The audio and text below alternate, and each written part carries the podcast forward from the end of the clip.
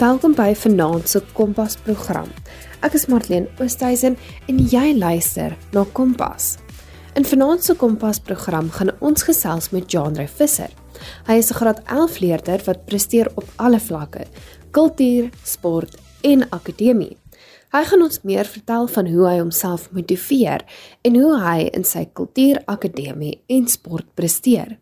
Genre is 'n hardwerkende leerder wat op hierdie oomblik 'n hoofleier is. Met ander woorde, hy is onderhoofseun, hy is deel van die hokkies eerste span en hy presteer op alle kultuur vlakke. Baie welkom Genre. Kompas, jou loopbaan rigtingaanwyser op RSG. Ons gesels nou met Jadra Visser. Hy is 'n graad 11 leerder. Jadra is betrokke by 'n klomp verskillende groepe. Hy is betrokke by die kultuur, sport, akademie en hy is 'n toppresteerder um by die skool. So Jadra, uh, vertel my meer bietjie van jou sport, jou kultuur en jou akademie waarmee jy nou besig is. Hallo Martleen, baie dankie vir die geleentheid. Um op die huidige oomblik is die kwartaal amper verby. So so min as moontlik skoolwerk en um met betrekking tot sport, meeste van die sport het gestop nou.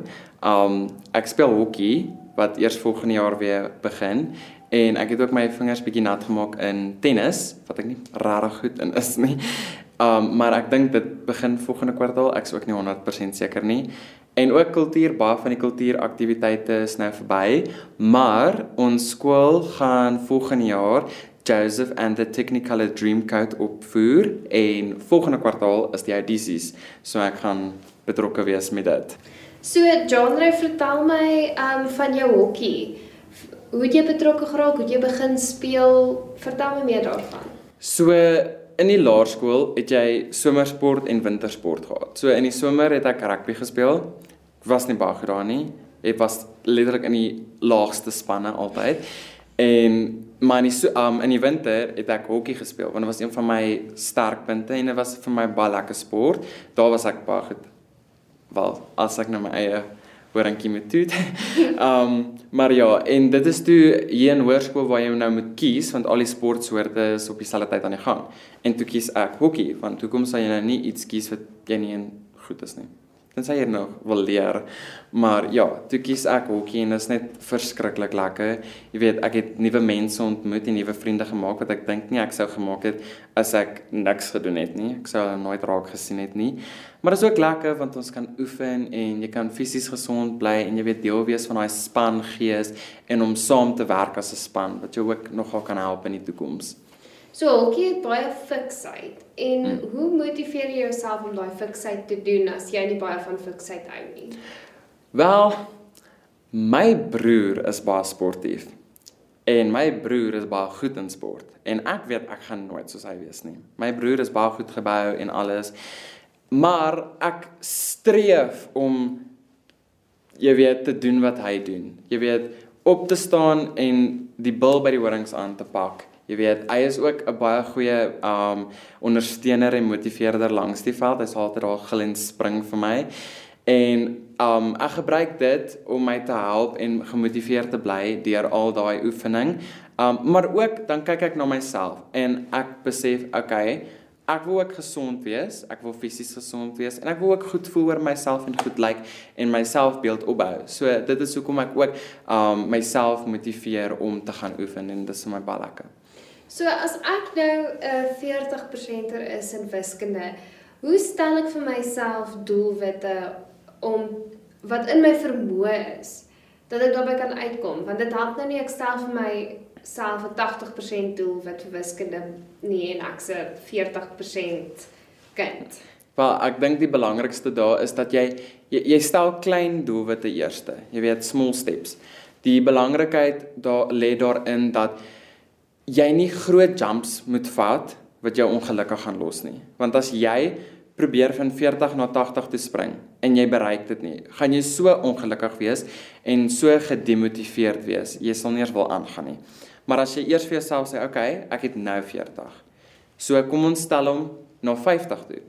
En dan bereik jy daai 50 want jy sit jou harde ure in en alles. Nou weet jy, "Oké, okay, ek's nou by 50." Celebrate the small victories. Ja. So, ehm um, John is ook deel van die skool se ehm um, leerlingraad. Hy is onderhoofseun. So, hoe het jy gevoel die dag wat hulle jou aangekondig het as onderhoofseun? Wel, die oggend van ons VLR inhuldiging was ek baie op my senuwees want ek was die kans gegee om te staan vir die uitvoerende raad. En jy weet, jy jy wil jy wil so graag deel wees van dit. Um maar jy weet ook as jy nou nie gekies is nie, die mense wat wel gekies is is daar vir 'n rede en hulle gaan hulle goed van hulle taak kwyt. So jy weet jy gaan met 'n oop hart want jy weet ek kan baie bly wees ek het dit gemaak en ek gaan bietjie teleurgesteld wees as ek dit nie maak nie, maar ander mense met 'n doel is daarso. En toe kondig hulle my aan en ek staan van wow. Dankie. En ek glimlag die hele dag en toe was ek huis toe gaan en leer. So maar dit was baie lekker. So, hulle is by die skool 'n baie groot groep um, uitvoerende raadlede. Hulle is 3 onderhoofdogters, 3 onderhoofseuns, 'n hoofmeisie en 'n hoofseun.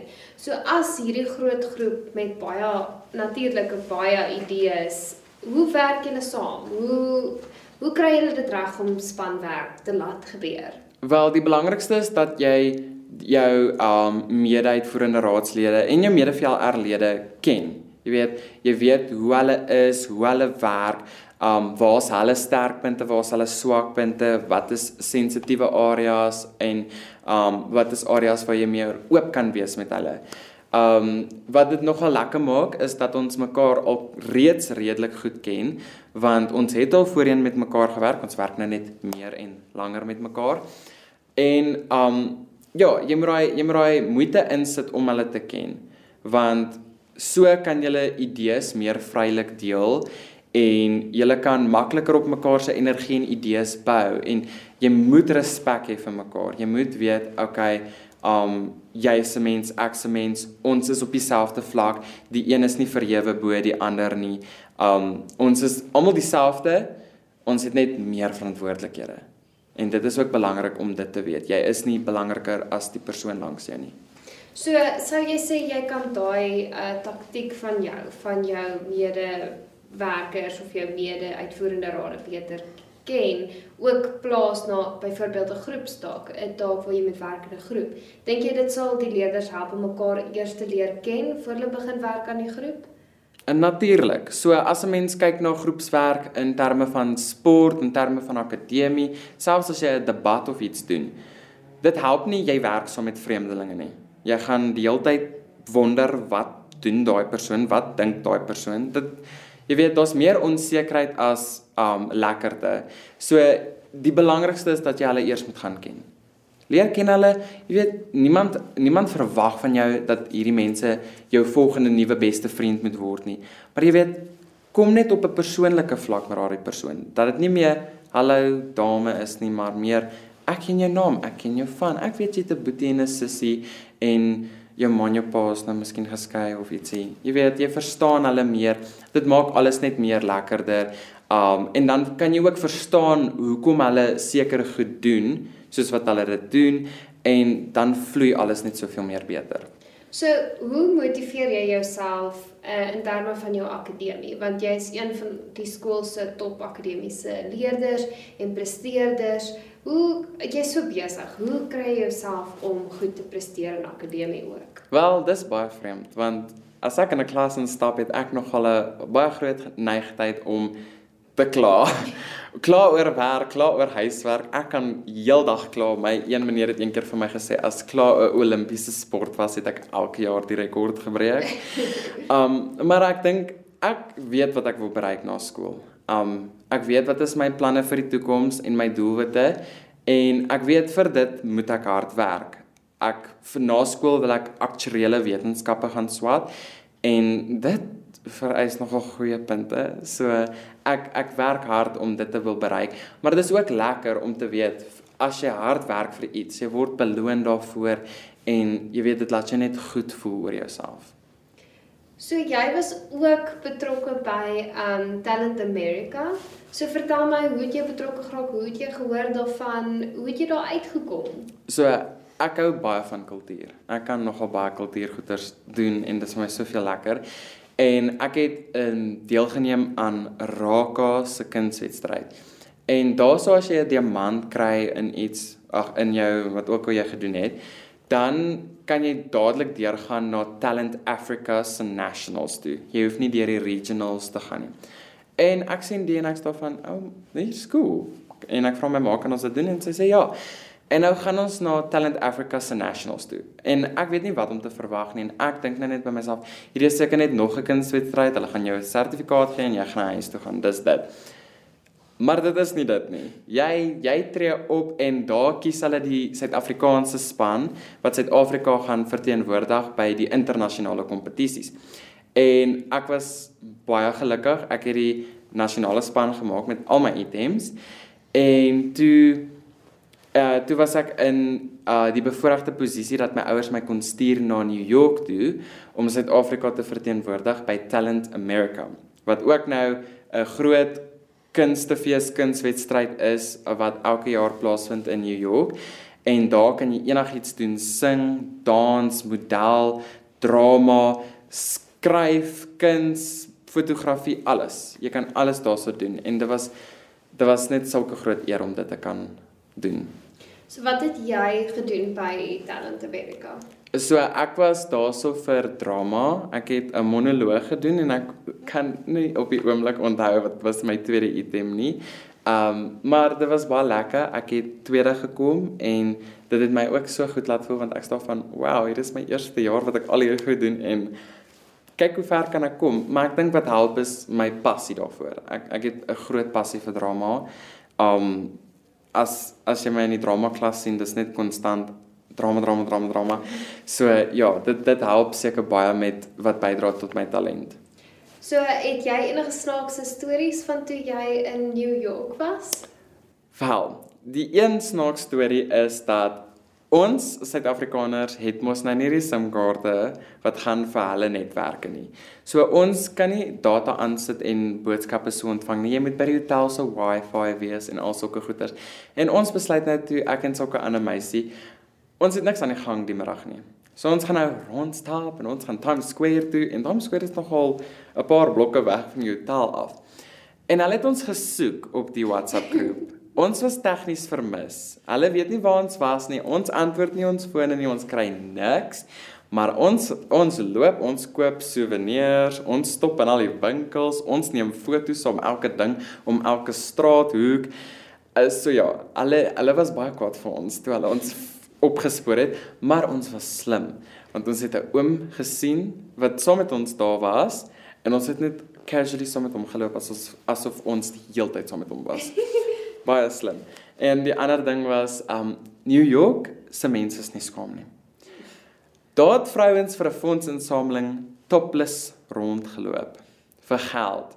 En dit was ook tydens die einde van Pride Month. So hulle het 'n groot Pride Parade gehad en daar was men klere. Baie men, soos net onder klere. So ja, maar dit was baie snaaks, ons het gelag en ons het dit vreeslik baie geniet. So wat het jy geleer uit hierdie hele ervaring uit? Is daar enigiets wat jy geleer het wat jy nou daagliks in jou alledaagse lewe toepas? Um ek sal sê dit is geleef voluit en gaan voluit in dit wat jou passie is. Moenie terughou en moenie skaam wees omdat jy bang is van wat ander mense gaan dink nie want rarig waar as jy gaan worry wat mense van jou sê omdat jy van die en die volgende hou dan dan moet jy dit maar net los. Want jy gaan vir ewig bang wees en jy gaan dit dan nie bereik nie. Jy moet jy moenie skaam wees om jouself te wees nie jy weet. Wees trots op jouself. Ek werk nie noodwendig soos wat ek hoop dit gaan uitwerk nie nie noodwendig soos wat ek dink dit gaan uitwerk nie maar dit gaan uitwerk want ek weet die Here is so genadig ek is baie sterk in my geloof en ek weet dit is dit is sy wil bo myne. So daai dae waar jy voel, okay, kom ons huil. Jy weet, huil. Huil alles uit. Moenie jou moenie jou emosies probeer onderdruk nie, want dan gaan jy net voel dit word net nog 'n groter las en nou gaan jy begin worry, wat is belangriker, my emosies of dit waarin ek wil presteer? En eintlik moet jy eers vir jouself sorg. Jy is belangrik. Jy is die belangrikste. En ja, ek ek self is nie perfek nie. Ek maak foute. Ek het die dae waar ek regtig sulke slegte uitdrukking op my gesig het waar die mense net vir my vra as jy okay, want jy lyk asof jy ons nou gaan slaan of ek is geïrriteerd en dit is fyn. Dit is maar deel van die lewe.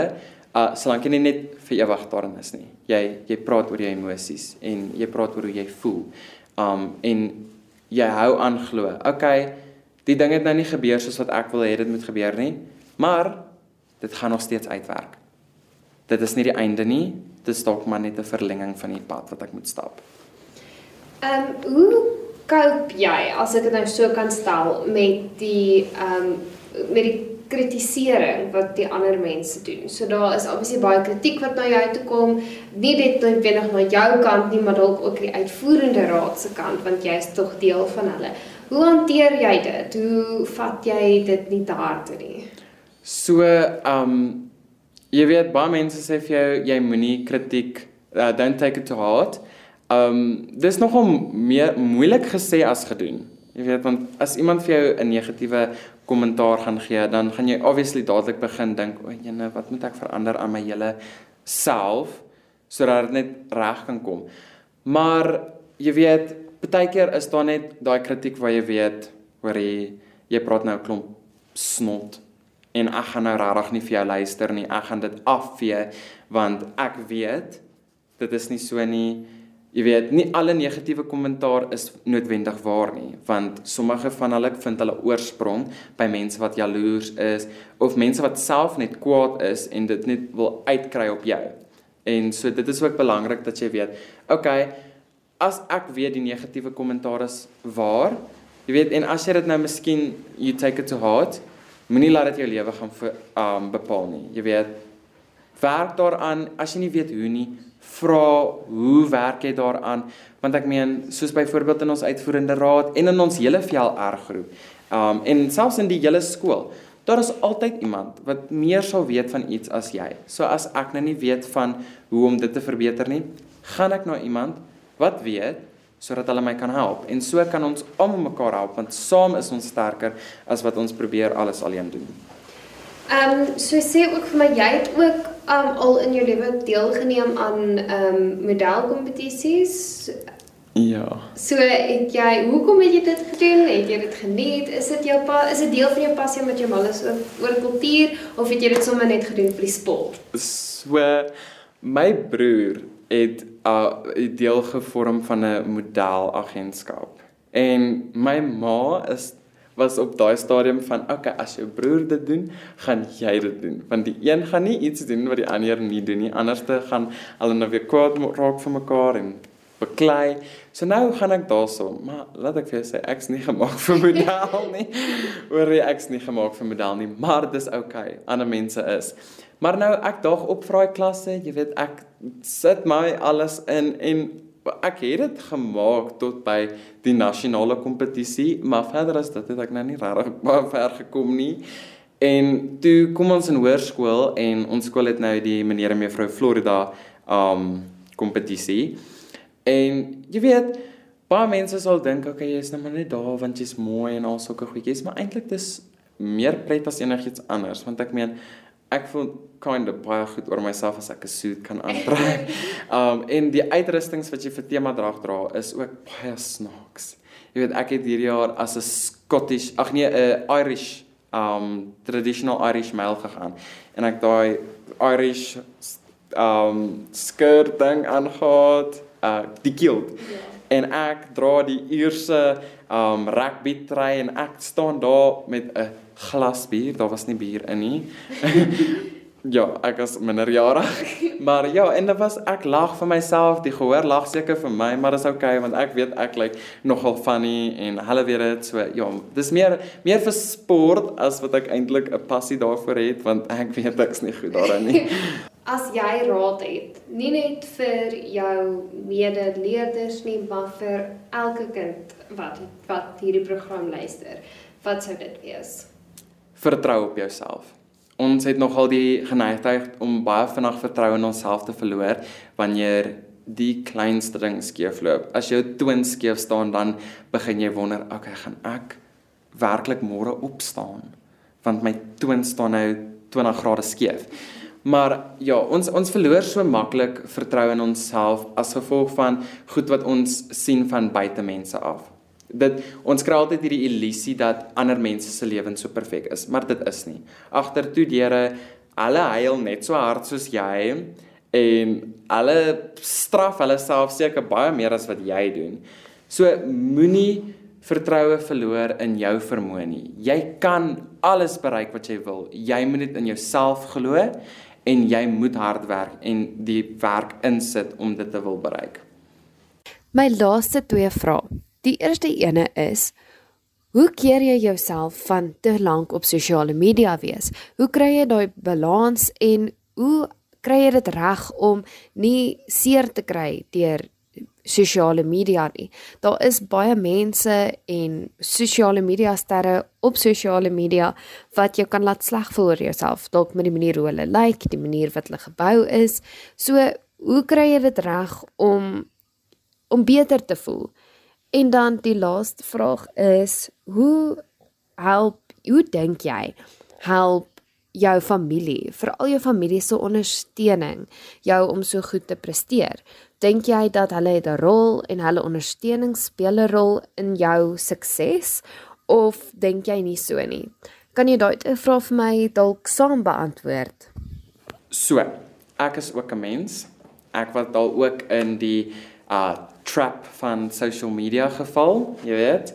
Um ek het jy jy sien daai mense, jy sien hoe goed hulle lyk, like, hoe goed hulle lewe loop, hoe alles net na hulle kant toe gaan en dan dink jy by jouself, yes, yes, ek moet nou net nie 'n failure nie.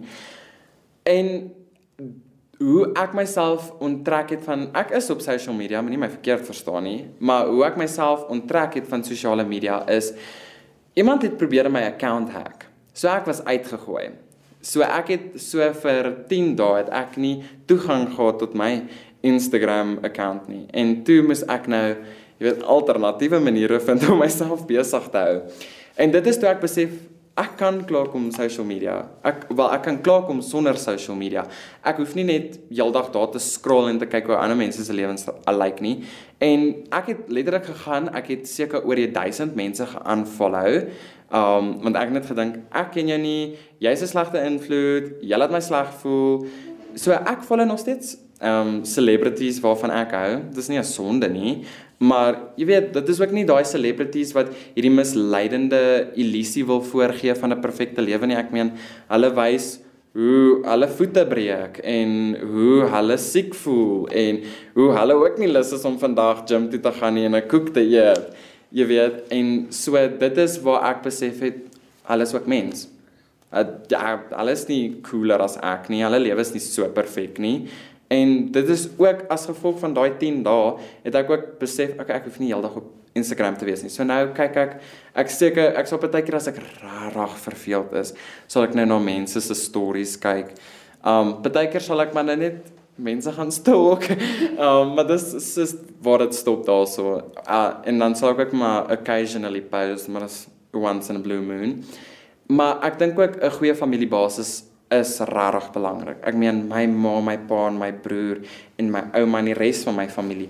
Hulle ondersteun my in alles wat ek doen en hulle is altyd daar so om vir alles altyd die eerstes om te sê baie geluk met alles dit die kleinste um doelwit wat ek bereik het. Sal altyd daar wees om te sê baie geluk, well done. Ek is so trots op jou en hulle is altyd daar so om te motiveer langs die veld in my in hulle gebede uh vir enigiets wat ek doen is hulle altyd daar vir bystand en hulp en ek dink dit is ook baie belangrik want as jou familie nie betrokke is nie dan gaan jy baie swaar kry want dan beteken dit jy gaan alles alleen doen en ja dit is nie 'n goeie ding nie Dit was John Drey Visser wat vir ons vertel het hoe om jouself te motiveer Almal het ten minste 'n bietjie van 'n ruskans nou met die skole wat gesluit het, maar volgende kwartaal kan jy weet hoe om jouself te motiveer as jy voel jy het geen motivering nie. Ek hoop jy het vanaand se Kompas program geniet en geleer hoe om jouself te motiveer. Ek is Marlene Oosthuizen en dit was Kompas.